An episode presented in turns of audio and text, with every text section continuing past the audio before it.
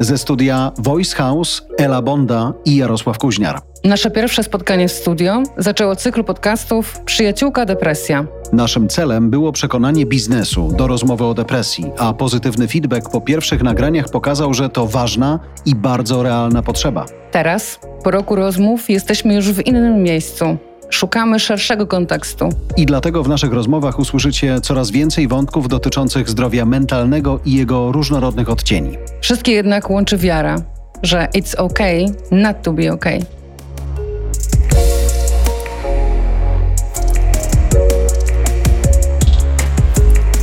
Lucyna Kicińska jest przewodniczącą zespołu pomocy psychologiczno-pedagogicznej w Liceum imienia Lelewela w Warszawie a także suicydologiem w dzielnicy Warszawa-Śródmieście. Współpracuje z uczelniami wyższymi, szkołami, ośrodkami badawczymi oraz wydawnictwami. To tylko część z jej umiejętności. Lucyna wierzy, że uczymy się całe życie. Na ile, jeśli możemy to zmierzyć w skali od 1 do 10, polska szkoła jest gotowa na przyjęcie nowych, ważnych gości? Wydaje się, że systemowo to nawet na okrągłe zero ponieważ y, szkoły, dyrektorzy, nauczyciele, także kuratoria oświaty zostali postawieni przed faktem dokonanym. Nie ma wokół tego niestety za dużo oprzyrządowania, regulacji, które faktycznie mogłyby sprawić, że łatwiej byłoby się przygotować, więc wszystko spoczywa na barkach y, dyrektorów i konkretnych nauczycieli, którzy organizują, ubiegają się, starają się uruchamiać zajęcia dodatkowe i tworzyć szkołę, która będzie przyjazna dla wszystkich. Bo nie chodzi teraz o to, żeby ona była przyjazna tylko dla naszych gości z Ukrainy, tylko żeby oni się poczuli jak u siebie, natomiast żeby polskie dzieci, polscy rodzice, polscy nie nauczyciele tak, nie czuli się i z jednej strony wykluczeni, ale też odstawieni na ten boczny tor. A co to znaczy przygotować? Czego brakuje? Bo mówisz o pewnym oprzyrządowaniu. Brakuje jakich narzędzi? W wielu miejscach brakuje uruchomienia mm, środków na klasy przystosowawcze, chociażby. No, nawet jeżeli są środki, no to kto ma w tych klasach pracować? To nie jest tak, że y, 20 tysięcy nauczycieli, którzy mają przygotowanie na przykład do uczenia języka polskiego jako drugiego języka, bo pamiętajmy, że to musimy zacząć uczyć jak drugiego języka, że oni po prostu czekali na to, żeby zostały uruchomione środki i żeby można było zatrudnić się w szkole. Więc nawet jeżeli są środki, to dyrektorom jest bardzo trudno z dnia na dzień zatrudnić specjalistów, zatrudnić nauczycieli. Jak wiemy, nauczyciele w Polsce są już przepracowani. I mm, nie mówimy już tutaj po prostu o wykonywaniu swoich obowiązków, ale o tym, że ponad pensum, czyli ponad 18 godzin w etacie ma zdecydowana większość nauczycieli. Więc jeżeli nauczyciel ma powiedzmy 24-26 godzin tablicowych i do tego dowiaduje się, że jeszcze 4 powinien poprowadzić, e, to jest mu niezwykle trudno. E, kolejnym problemem jest to, że część dzieci ukraińskich jest wdrażanych do e, klas po prostu. I jest to po pierwsze wyzwanie, ponieważ y, klasy są już przeładowane.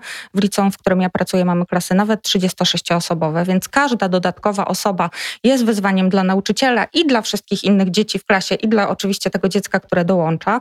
A z drugiej strony, no to y, dobrze by było, żeby razem z tym dzieckiem był taki przewodnik międzykulturowy albo chociażby tłumacz, ponieważ nawet jeżeli dziecko ukraińskie jest tak powiedzmy z rejonu swojej zachodniej, a naszej wschodniej granicy, więc coś plus minus mhm rozumie, no to będzie mu bardzo trudno podążać za tym, e, co nauczyciel e, wykłada, co mówi, czego oczekuje.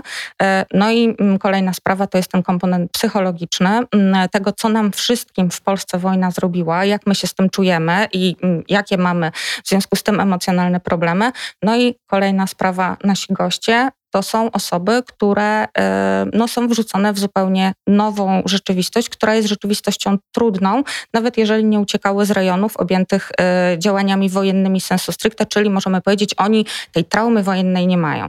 Natomiast jak ja sobie wyobraziłam na początku e, wojny w Ukrainie, że ta wojna przyszłaby do Polski i że ja bym miała pół godziny, żeby zebrać moje rzeczy, pojechać do innego kraju, na przykład do Francji albo do Belgii, ja nie mówię ani po francusku, ani po flamandzku, i miałabym tam zacząć żyć, pracować. Nie wiedząc jak długo. Nie wiedząc jak długo, ale też jeszcze e, u jakichś obcych ludzi, hmm. którzy z jednej strony mówią, wszystko co moje jest twoje, ale z drugiej strony, no to przecież trudno mi jest to wziąć. I na przykład, jeżeli mówimy o nastolatkach, o uczniach takiej końcówki szkoły podstawowej czy y, szkół ponadpodstawowych, to oni mają ogromny problem z przyjmowaniem różnych rzeczy. Bo ile można brać? Każdy z nas, y, jakby mu ktoś obcy coś cały czas dawał, ubrania, książki, jedzenie, no tak. nie czułby się komfortowo. No i takie dziecko wrzucane jest do klasy. I to jest dla nauczyciela ogromne wyzwanie. E, I jest to oczywiście ogromne wyzwanie dla całej klasy i dla samego dziecka. Słucham e, Lucyny i myślę sobie, że ta sytuacja jest tak trudna i tak jak ja zawsze szukam nadziei i e, światełka Powodzenia. optymizmu, no właśnie trudno mi jest znaleźć. Powiedziała Lucyna jedną wszystkim... ważną rzecz, właśnie w kontekście Twoich słów, że zostali nauczyciele sami ze sobą. Często ta pomoc przychodzi na przykład od rodziców, którzy mówią: Dobra, widzimy, że jesteście sami, ogarnijmy coś. Zdarza się i to jest tak naprawdę klucz, ponieważ my powinniśmy wokół kryzysu wojennego się zjednoczyć.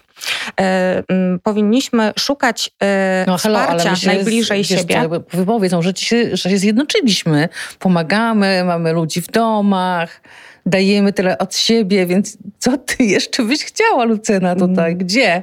E, myślę sobie, że to, co zrobiliśmy do tej pory, jest piękne, mhm. natomiast prowadzi bardzo silnie do wypalenia nas wszystkich, ponieważ y, oczywiście ten zryw nasz, przyjmowanie ludzi, zbiórki, kupowanie ton jedzenia, organizowanie, próba y, organizowania życia dla y, no, dwóch milionów ludzi w naszym kraju jest czymś niesamowitym. Natomiast to był ogromny zryw, który ze swojej zasady jest krótkoterminowy. Mhm.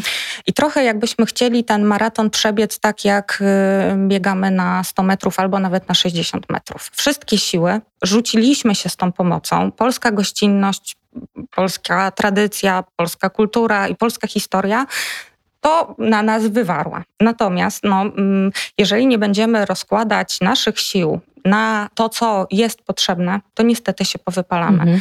I teraz tak bardzo ważne jest to, że jeżeli mamy w swoim domu rodzinę ukraińską, to żebyśmy zaprosili naszych sąsiadów do pomagania tej rodzinie, żebyśmy zaprosili nasze rodziny, żebyśmy zaprosili nasze szkoły do pomagania. To nie jest teraz już sztuką w tej chwili pojechać do marketu, kupić cały koszyk jedzenia i zawieźć go do punktu, gdzie jest to dystrybuowane, do anonimowych ludzi, którzy będą to teraz sortować, rozdawać, ktoś przyjdzie, ktoś nie przyjdzie. I mieć z głowy, tak, zastanówmy się wokół nas, kto i czego potrzebuje. Czy to jest tak, że ja muszę kupić dla e, dwójpółletniej dziewczynki, którą moja rodzina gości, rowerek, czy ja mogę poprosić kogoś z moich znajomych, czy ich dziecko przypadkiem już nie przestało używać tego rowerka? Czy y, to jest tak, że ja muszę wszędzie kogoś zawieść, czy to jest tak, że możemy się trochę podzielić tą pomocą i nie przecząc temu, co już zrobiliśmy, mhm. teraz jest taki naprawdę poważny moment, żebyśmy zaczęli się zastanawiać, co teraz powinniśmy robić, bo to nie jest bieg na 100 metrów ani na 60, to jest sztafeta maratońska. Wracając do szkoły, jak czujesz, jak polscy uczniowie reagują na to, że no, sytuacja dla nich samych też jest inna? Reagują oczywiście bardzo różnie, e, bo polski uczeń, tak jak w ogóle polski obywatel, jest różny. I oczywiście jest mnóstwo uczniów, którzy się bardzo silnie w tą pomoc też zaangażowali. W zbiórki, w organizowanie e, pomocy mm, ale to też bardzo ważne, żeby szkoła jako instytucja, w której są też nie tylko uczniowie, ale także dorośli, e, nauczyciele, mm, pracownicy, e, personel pomocniczy, żebyśmy też próbowali tą energią młodych zarządzać i żebyśmy starali się wpływać nie na to, żeby oni się powypalali i zaczęli myśleć, że ktoś im zaczyna coś zabierać albo że oni chodzą i tylko dają, tylko żeby byli trochę dla swoich rówieśników takimi przewodnikami po tej trudnej sytuacji. To jest możliwe i ten właśnie sposób wiele szkół się organizuje. Na przykład, jeżeli do klasy mm, trafia uczeń z Ukrainy, to nie jest tak, że po prostu o 8 rano ktoś się zjawia, tylko dzień wcześniej cała klasa jest poinformowana przez wychowawcę. Tworzone są dyżury, czyli umawiamy się, kto będzie przewodnikiem dzisiaj, kto będzie przewodnikiem jutro. Taki buddy system, tak? Tak, taki buddy mhm. system, e, ale nie żeby to była jedna mhm. osoba, czyli ja muszę teraz holować ze sobą e, przez miesiąc kogoś, tylko co dwa dni. Ja wytłumaczę, ja pokażę. To, co też jest fajne, twórcze i bardzo pomaga uczniom z Ukrainy osadzić się w szkole, to gdy taki pierwszy, drugi czy trzeci uczeń dociera do nas, to warto jest takiego ucznia zaangażować w to, żeby nam pomógł zrobić plan po szkole. Ale plan, też wiemy, budynki mamy różne, tu podziemia, tu zakamarki, tu trzeba przejść schodami, a tymi nie można przejść. Natomiast, żeby nam też pomógł zrobić taki opis chociażby pomieszczeń w języku ukraińskim. Mhm. I oczywiście nie chodzi teraz, żebyśmy wszystko opisali po ukraińsku, bo mamy swoje polskie nazwy, tak? Sekretariat możemy zrobić także po angielsku, zachęcając y, dzieciaki e, do tego, żeby razem z nauczycielami na lekcjach to zrobili i poprosić też ukraińskich naszych gości, teraz już naszych uczniów, żeby oni też nam przygotowali takie napisy, żeby poczuli się, że to jest też miejsce dla nich e, i że my też się chcemy nauczyć. E, taką dobrą praktyką jest też to, żeby na przykład w takiej klasie, w której będziemy mieli ucznia ukraińskiego, trudno będzie mu zapamiętać oczywiście wszystkie imiona natychmiast, żebyśmy mm, sobie poprzyczepiali etykietki i jemu też dali taką naklejkę czy mm, jakąś przypinkę ze swoim imieniem, e, ale też żebyśmy e, nie tylko to imię polskie zapisali, ale poprosili, jeżeli mamy już innych uczniów, żeby oni nam napisali nasze imiona w języku ukraińskim, mhm. żeby wykorzystali cyrylicę, żeby ta osoba wiedziała, jak to przeczytać. Ja mm, rozmawiałam z taką dziewczynką, do której klasy został e, chłopiec do, dołączony. Chłopiec ma na imię Sasza, a na jego szafce było napisane Aleksander. I ona przez tydzień chodziła po tej szkole i się zastanawiała, dlaczego oni mu tego nie zmienili, że trzeba mu to natychmiast zmienić. Mhm. I to jest taka prosta rzecz, o której my zapominamy, bo wszyscy mówią do niego Sasza, natomiast no, mm, akurat dziewczynka y, mm, no, nie, nie dorastała pewnie w takich czasach, co my dorośli i ona po prostu nie wiedziała, że Sasza to jest Aleksander. I takie rzeczy możemy y, dzieciom ułatwiać, możemy je do tego też zapraszać, bo nie chodzi, żebyśmy teraz znowu był ktoś, kto załatwi. No tak. Za nas, za kogoś. Natomiast szkoła właśnie jako miejsce może być takim miejscem, które nie tylko jest tą sytuacją obciążone, ale które zaczyna działać proaktywnie w tej sytuacji, które zaczyna organizować pomoc którą wcześniej świadczyliśmy przez właśnie na przykład zbiórki, możemy tą pomoc organizować wokół naszych uczniów. Możemy korzystać też, na ile to jest możliwe, z rodziców tych uczniów, czyli na przykład poprosić mamę któregoś z uczniów, żeby ona była tym tłumaczem, jeżeli ona zna język polski. Bo tak się często zdarza, że przychodzi rodzic zapisać swoje dziecko do dyrektora i mówi po polsku. Dziecko mówi trochę gorzej, natomiast od razu widać, że to jest ktoś, kto może być dla nas też takim przewodnikiem, kto może być dla nas tym pomostem, bo oczekiwanie, że y, dzieci, które nie znają języka polskiego mm, i nie znają polskiej literatury, teraz podejdą do matury albo albo do egzaminu y, na koniec szkoły podstawowej y, z tejże literatury, y, no, jest, bym powiedziała, dalece pełnym nadziei, nawet powiedziałabym niemożliwej do spełnienia. To nie jest tak, że jak przetłumaczymy polecenia, dzieciom w arkuszu maturalnym, to że one po pierwsze napiszą tam po polsku, a po drugie, że będą wiedziały, co a mają jak to w tej chwili ma wyglądać? Właśnie tak, jak powiedziałaś? Ma być przetłumaczone tak. i... I dzieci mają pisać po polsku na temat polskiej literatury. Na przykład, no jeżeli nikt Słusznie, nie czytał... przecież miały dwa tygodnie, żeby się nauczyć dość. Tak, i nauczyć i cały ten, e, bym powiedziała, dwunastoletni, mhm. E, czy nawet trzynastoletni system edukacyjny, z którego piszemy maturę de facto, że no w te dwa tygodnie to przecież jak... No przecież to się nie może udać.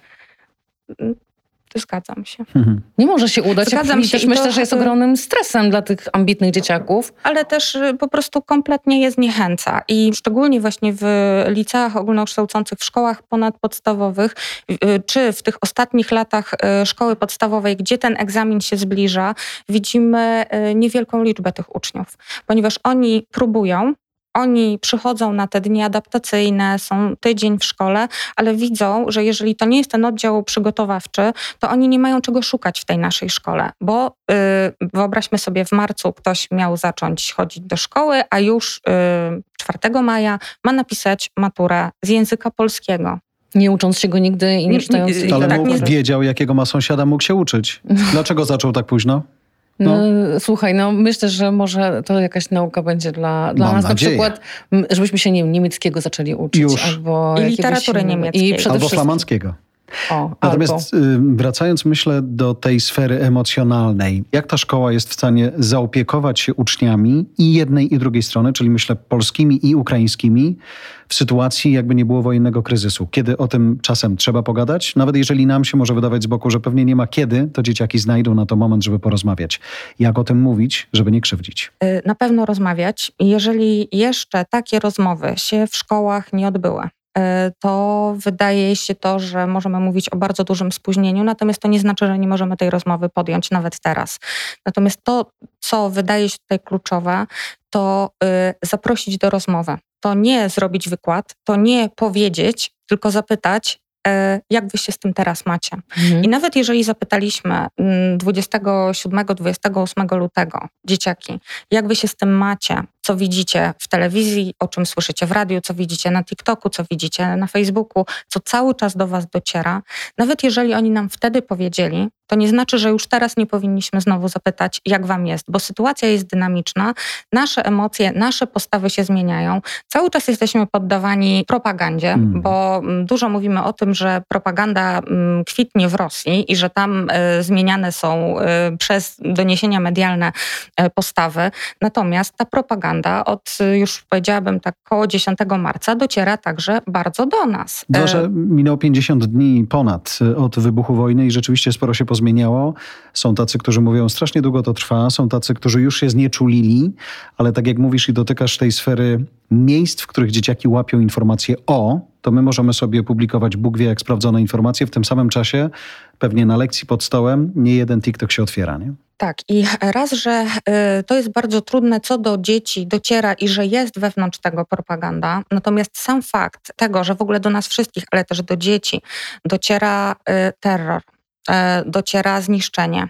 Dociera ta wojna do nas w taki sposób, w jaki nigdy w historii jeszcze do nas to nie dotarło, bo nie mieliśmy streamingu live zburzenia budynków. Mhm. Nie widzieliśmy z 45 kamer, bo ludzie stali w budynkach obok i po prostu pokazywali, dawali świadectwo tego, że szpital dziecięcy został zbombardowany. Nigdy nie doświadczaliśmy no, takich wizualnych, y, bardzo destabilizujących obrazów. I to jest ważne, żebyśmy też w tej rozmowie z młodymi, ale też żebyśmy się sami o siebie w ten sposób zatroszczyli, żebyśmy się trochę od tego odłączyli. Bo to jest tak, y, ja dużo o tym rozmawiałam z nauczycielami, dużo też po prostu rozmawiałam ze znajomymi i, i oni mówili wprost, wiesz, ja wstaję o piątej rano i ja jestem już na wojnie. I mm, potem trochę idę do pracy, ale oczywiście w pracy każdy też ogląda. Wiele, w wielu miejscach są wręcz telewizory cały czas włączone. Cały czas jesteśmy na tej wojnie. Wracamy, jesteśmy na wojnie do 23.30, bo nie potrafimy się odłączyć od tego, co publikujemy, co jest w mediach pokazywane, nawet jeżeli e, nie są to, to treści propagandowe, to one są bardzo destabilizujące. I e, jeżeli ktoś jeszcze się od tego nie odłączył, to to bardzo ważne, żebyśmy się starali w ten sposób o siebie zatroszczyć, bo mm, na to też e, oprócz samej propagandy nastawiony jest reżim rosyjski, żeby nas zniechęcić, żeby nas ubezradnić, żeby nas wprowadzić w ataki paniki, żeby nam pokazać, że my nic nie znaczymy. I my oczywiście, jako ludzie tutaj w Polsce, w kontekście zbrojnym, mamy zerowy wpływ na wojnę. Natomiast są inne obszary, w których mamy wpływ na to, co się dzieje i jak ta wojna się potoczy. I tu jest na pewno ten wymiar informacyjny, i raz, że powinniśmy się sami chronić przed informacjami, ale dwa, też przekazywać takie informacje, które innych destabilizowały nie będą. I też informacje o pomocy, o tych różnych możliwościach. Było taki, taki moment, że po prostu polskie social media były zalane tym, jak, gdzie i kiedy pomagać, co można zrobić. Mhm. Wszystko było we flagach ukraińskich. A teraz już tego jest trochę mniej. I bardzo często pojawiają się różne posty czy, czy różne zapytania, a co teraz, a gdzie? I tak jakby ta wiedza, którą już zdobyliśmy i możemy ją skatalogować i mieć do niej cały czas dostęp, ona nam się gdzieś w tych social mediach rozpadła. No i potem jest pytanie, to gdzie po ten PESEL, a co zrobić, a gdzie oddać coś, a co jest tam teraz potrzebne. Więc jak będziemy dalej podawać cały czas te informacje, że tu można, że tam można, że są takie zasoby, że na przykład nauczyciele mogą brać udział w kursach y, języka ukraińskiego, takich podstaw komunikacyjnych, to to będzie też cały czas ten klucz. My możemy informować o tym, co dobre, przywracając sobie nadzieję i poczucie sprawstwa, bo jak będziemy informować się o masakrze w Buczy albo o tym, co się dzieje w Irpeniu, to to nam niestety nic dobrego nie zrobi. To nie chodzi o to, żebyśmy udawali, że to się nie dzieje, bo to się dzieje i my wiemy. Natomiast no, cała psychologia społeczna mówi o tym, że to, co my Y, widzimy y, w ramach y, wideo, albo to, co widzimy na zdjęciach, o wiele bardziej nas emocjonalnie destabilizuje niż to, że coś przeczytamy. Więc to na przykład ważne, ja wiem, że może w mediach nie powinnam tak mówić, ale że jak czytamy jakiś artykuł, w którym jest też osadzone wideo, to go nie odtwarzajmy, bo sama informacja tekstowa już nam naprawdę wystarczy, żeby wiedzieć, że ludzie są mordowani. My nie musimy widzieć zwłok leżących na ulicach, bo to prowadzi z jednej strony do chęci ucieczki, z drugiej strony może wywołać ataki paniki, z trzeciej strony może nas doprowadzić do takiego myślenia, to się na pewno nie dzieje naprawdę, bo takie rzeczy to tylko w filmach, a to się dzieje naprawdę. Bardzo blisko bardzo blisko, y, no coraz bliżej naszej granicy. Y, I mm, jeżeli będziemy się skupiać na tym, że nie mamy na to wpływu i że jesteśmy w poczuciu zagrożenia, to niestety nie będziemy działać i nie będziemy ani dzieci integrować w szkołach, ani nie będziemy dalej przyjmować tych osób, y, które uciekają przed wojną, nie będziemy im pomagać, nie będziemy oddawać darów i będziemy generalnie odczuwali ogromną bezradność, a na to jest nastawiony cały reżim. Myślę też o tej sytuacji, o której rozmawialiśmy zanim mikrofony zostały włączone, czyli testy na początku wojny, czyli 24 albo w okolicach 24 lutego. Testy, co tu się dzieci zdarzy, jeżeli przyszłoby zagrożenie do nas. Wtedy był strach, nieprzygotowanie, dużo krzywdy, która za tym poszła. Od tamtej pory właściwie szkoła działa tak, jakby się nic nie działo, prawda? Trochę. Systemowo można powiedzieć, że tak, natomiast indywidualnie szkoły, y, jeszcze raz to powtórzę, uzależnione jest od tego, jak y, działa kadra pedagogiczna, jak działa dyrektor. I dzieje się wiele dobrego, natomiast z pomysłowości, chęci znalezienia informacji, z chęci pomocy, która jest w ludziach. Y, system tego za nas nie chce rozwiązać, ani system edukacyjny, ani ogólnie Państwowe. państwo jako mhm. takie. Mówi się bardzo dużo o tym, że ta nasza pomoc humanitarna to jest pomoc Kowalskich, a nie pomoc oddolna. taka od, odgórna właśnie. Tak? Mhm. Znaczy my tu oddolnie wszystko organizujemy, natomiast no, y, coraz więcej niestety słyszymy o wyczerpaniu wolontariuszy, o wyczerpaniu też organizacji pomocowych, które są także pozostawione same sobie. Y, nie mają ani wsparcia finansowego, ani organizacyjnego jeżeli my się nie zjednoczymy, jeżeli my się na chwilę nie zatrzymamy, nie zaczniemy tworzyć sztabów i z głową podchodzić do y, tej pomocy, no to niestety się wypalimy, bo na jednej osobie system pomocowy niestety mm, się nie utrzyma. Y, natomiast no, wiele decyzji jest często podejmowanych poza nami. No, ja pracuję w dzielnicy Bielany w Warszawie y, i moja szkoła nie została obarczona taką odpowiedzialnością, natomiast sąsiadująca szkoła dostała informację, że na sali gimnastycznej będzie E, punkt recepcyjny. E, bez e, nikogo, kto by ten punkt prowadził. Zostały po prostu dostarczone łóżka, dostarczone zostały kołdry. I co, i Ukraińcy się zgłoszą i szkoła ma to prowadzić? No mm, i prowadzi. Okay. Jedzenie o każdej porze dnia i nocy, przyjmowanie osób. czyją siłą to się dzieje? nauczycieli, którzy przychodzą o 6 rano, żeby zrobić kanapki dla 200 osób, uczniów, którzy się angażują w to, żeby roznosić na przykład posiłki, e, uczniów pełnoletnich, którzy zostają po lekcjach, żeby być w tym punkcie recepcyjnym. E, wydaje się, że nie tak to powinno zostać skonstruowane, choć jest to na pewno piękne i szlachetne. Jest, no. chociaż, przepraszam, Elo. Mów, mów. Nie, nie, bo mam w tyle głowy naszą rozmowę. mnie po prostu kompletnie i zupełnie. Naszą rozmowę z przedstawicielką Heleną Krajewską, zresztą z Polskiej Akcji Humanitarnej, kiedy słyszymy, jak u doświadczonych ludzi, pracowników agencji humanitarnych przychodzi depresja, zmęczenie, wypalenie, przerażenie, zdruzgotanie, zniechęcenie, wszystko, to co dopiero mówić o nauczycielach, którzy i tak są przebodźcowani i przepracowali w zupełnie innym świecie, zaczynają, tak jak mówisz, o 6, a potem przychodzi normalnie cały dzień lekcji. Co, co dopiero powiedzieć o dzieciakach? Tak, jesteśmy bardzo przebodźcowani i y, to, co też y, ja obserwuję, to to, że jesteśmy, mm, chciałabym, żeby źle zabrzmiało, ale jesteśmy zapalczywi w tej pomocy. To znaczy nie chcemy się zatrzymać do kresu sił, do tego rozładowania naszej energii y, emocjonalnej, poznawczej i fizycznej na 1%. I to nie jest dobra. I to, co robiliśmy przez ten czas y, tego pierwszego zrywu, nie potrafiliśmy inaczej. Ale teraz jest ten moment, żebyśmy się zatrzymali, y, ale też jest moment, żebyśmy wszyscy dostali więcej pomocy, żeby nie było tak, że tylko ja pomagam, tylko że ja mogę ludzi zaprosić do tej pomocy, albo no, też właśnie odgórnie, że ta pomoc jest organizowana. Natomiast no, organizacja pomocy polegająca na tym, że na przykład na ośrodki pomocy społecznej wrzucane jest kolejne zadanie, nie jest to dobrym rozwiązaniem. Tak samo jak właśnie dorzucanie do szkół uczniów. I no, do, dodrukujemy te arkusze, to znaczy jeszcze się nie, chyba nie przetłumaczyły, ale już będą niedługo tłumaczone, więc dodrukujemy, dostawimy ławki i oni napiszą maturę. Tak to niestety nie Jakoś zadziała. Będzie. Na sznurkach. Jak to u nas? Działało tyle lat? Co ma nie zadziałać? Ciekawe czasy przed nami, myślę, że trudne dla nas wszystkich i to będzie zupełnie inny sprawdzian niż ten, czy sobie poradziliśmy z pierwszymi dniami czy godzinami po rozpoczęciu wojny, czy nie. Bardzo dziękujemy za Dziękujemy. spotkanie i rozmowę. Dziękuję bardzo.